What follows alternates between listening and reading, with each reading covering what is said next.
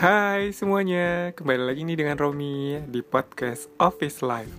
Nah, kali ini gue mau membagikan cerita dari teman kita Karena gue hari ini gak sendirian, langsung dengan narasumbernya Tetap dengan cerita seputar kantor atau pekerjaan Dan langsung aja yuk kita simak ceritanya dari Wandri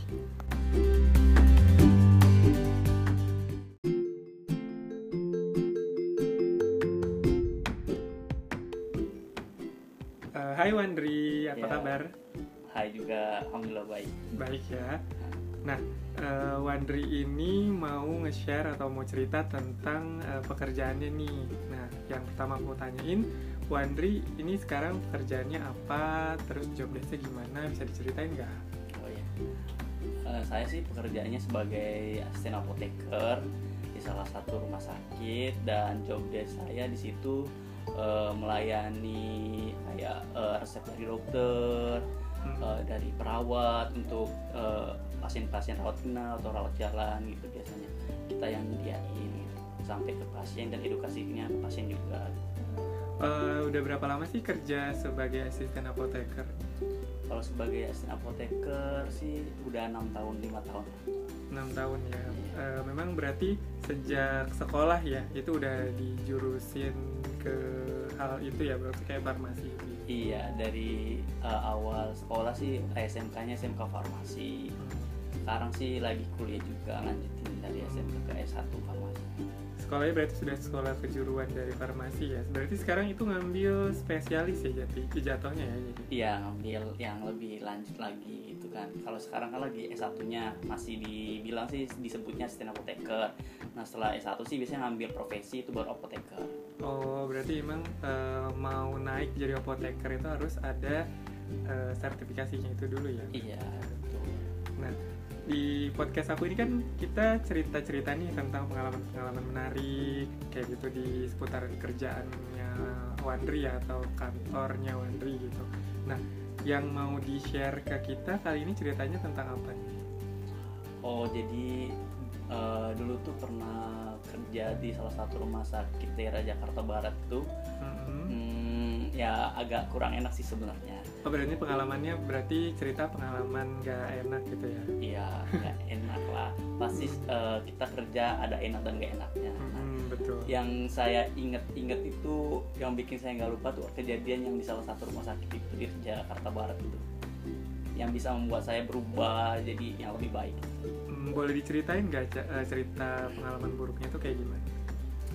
Ya awal mula sih eh, saya kerja biasa lah ya, J- eh, jadi karyawan baru, ya kan mengikuti aturan-aturan yang berlaku di situ. Nah eh, tadinya sih saya bekerja di eh, rawat jalan itu di farmasi lobby ya, di lobby bagian rawat jalan itu sekitar tiga bulan empat bulan, lalu saya dipindahkan lah itu di ruang eh, operasi kan sebagai apoteker juga menyiapkan alat-alat.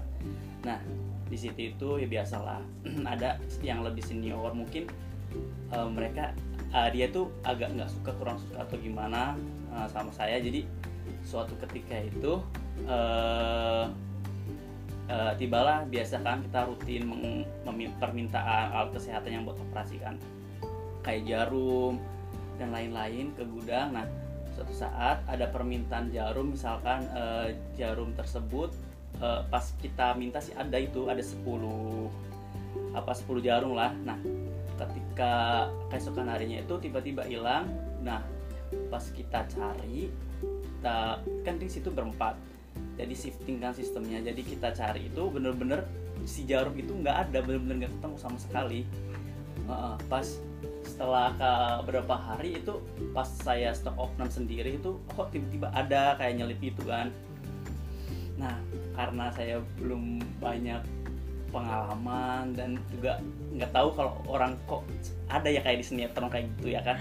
Orang yang nggak suka sampai fitnah kayak gitu kan. Ah, Nah, setelah itu, oh ini ada ya, karena kan masih ter- terbilang baru lah, kan masih agak takut-takut. Jadi berbohong lah itu di situ kan, Eh, bilangnya saya menggantikan kan, menggantikan beli di distributor. Nah, nah si senior yang kayaknya nggak suka sama aku itu, ternyata dia itu kayak seakan-akan dia tuh mau nyecer aku mau ya pokoknya mau harus ada bukti uh, faktur segala macem. Kalau nggak ada faktur segala macem kalau nggak dari distributor resminya dia takut kalau itu misalnya barang palsu atau apa sedangkan kalau logikanya kalau semisal orang-orang yang nggak ada kebencian sama seorang kan biasanya ya udah yang penting udah ada udah jelas udah ketemu kan. Ya udah kan ini nggak pokoknya nyecer terus sampai dapat gitu kan kesalahan saya sampai di mana. Terus uh, pas di misalkan hari Jumat. Nah Jumat tuh udah kayak gitu udah ngomong sama dia.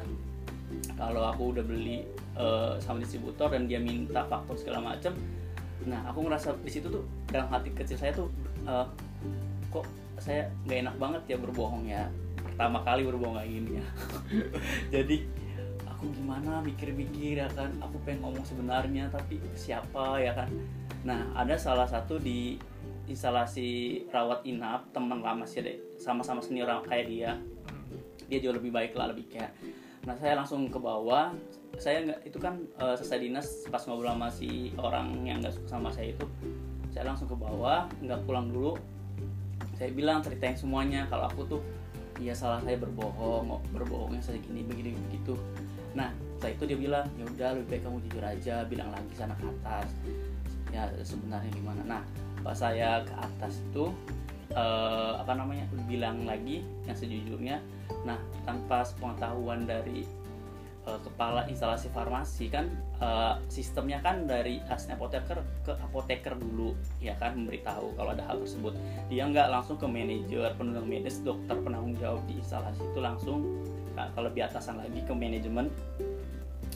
Ngadu-ngadu kalau aku kayak gini kayak gini uh, kayak gitu kan terus suatu saat aku dipanggil dipanggil ya pokoknya dipanggil tau lah kenapa kamu bisa berbohong dan segala macem sejujurnya aku bilang saya aku didampingin apoteker aku kan.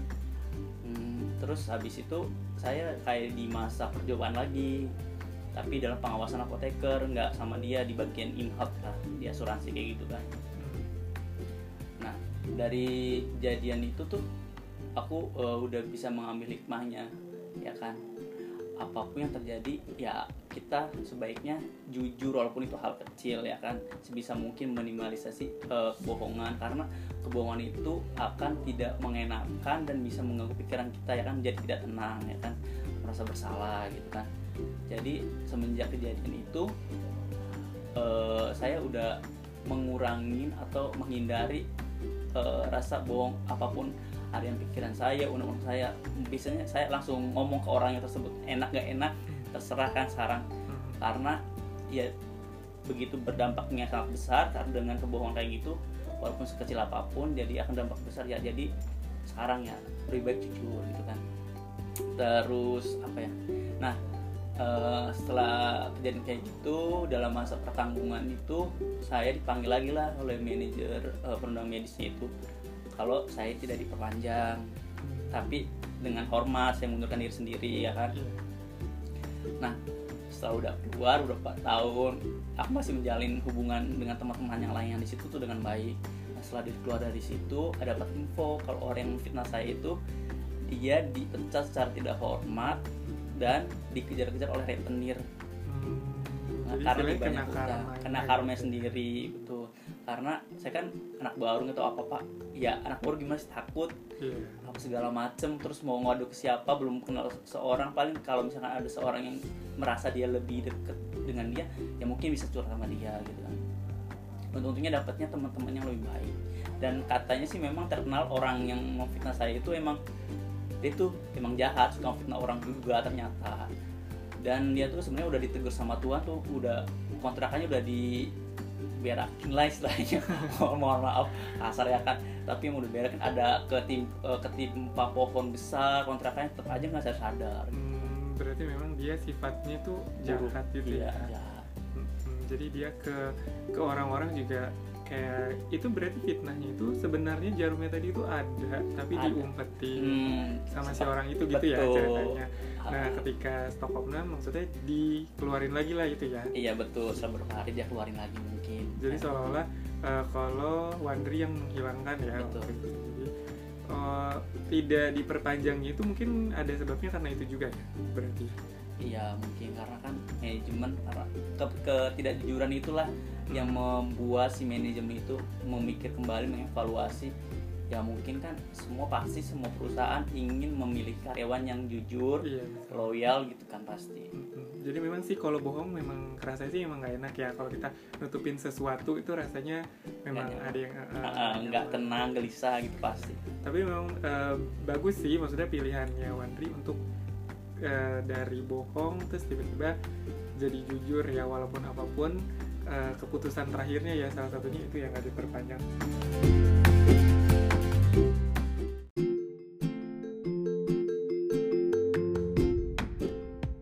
Ya jadi kalau yang sekarang ini kan membuat eh, si Wandri sendiri jadi lebih hati-hati ya dalam bekerja dan mengenal orang juga mungkin. betul Tapi kalau yang sekarang eh, udah pindah rumah sakit kan berarti? oh, udah pindah. Kalau yang sekarang berarti sudah alhamdulillah orang-orangnya juga udah nggak ada yang kayak gitu lagi. ya?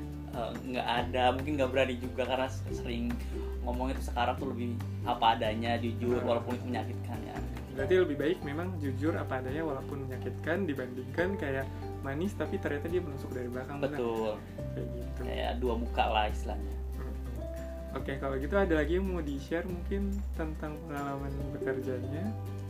ya mungkin saya yang saya tadi bilang cuma mengingatkan pada teman-teman Mm-mm. yang bekerja di suatu perusahaan eh, lebih baik kita jujur aja dengan pekerjaan kita nggak usah eh, memikirkan apa ya ingin mendapatkan apa misalnya posisi yang lebih bagus dengan cara eh, menindas seseorang atau meng- apa ya memfitnah orang untuk kita menjadi posisi yang lebih tinggi daripada sebelumnya gitu kan. Jadi istilahnya kayak kamu naik tapi menjatuhkan orang gitu iya ya. Jadi- betul. Iya memang sih kalau untuk hal itu tapi kita sebagai manusia nggak bisa juga sih me- apa ya menahan atau membuat orang untuk jadi baik sih gitu kan. Karena pasti eh, adalah beberapa orang yang kayak gitu gitu kan. Iya.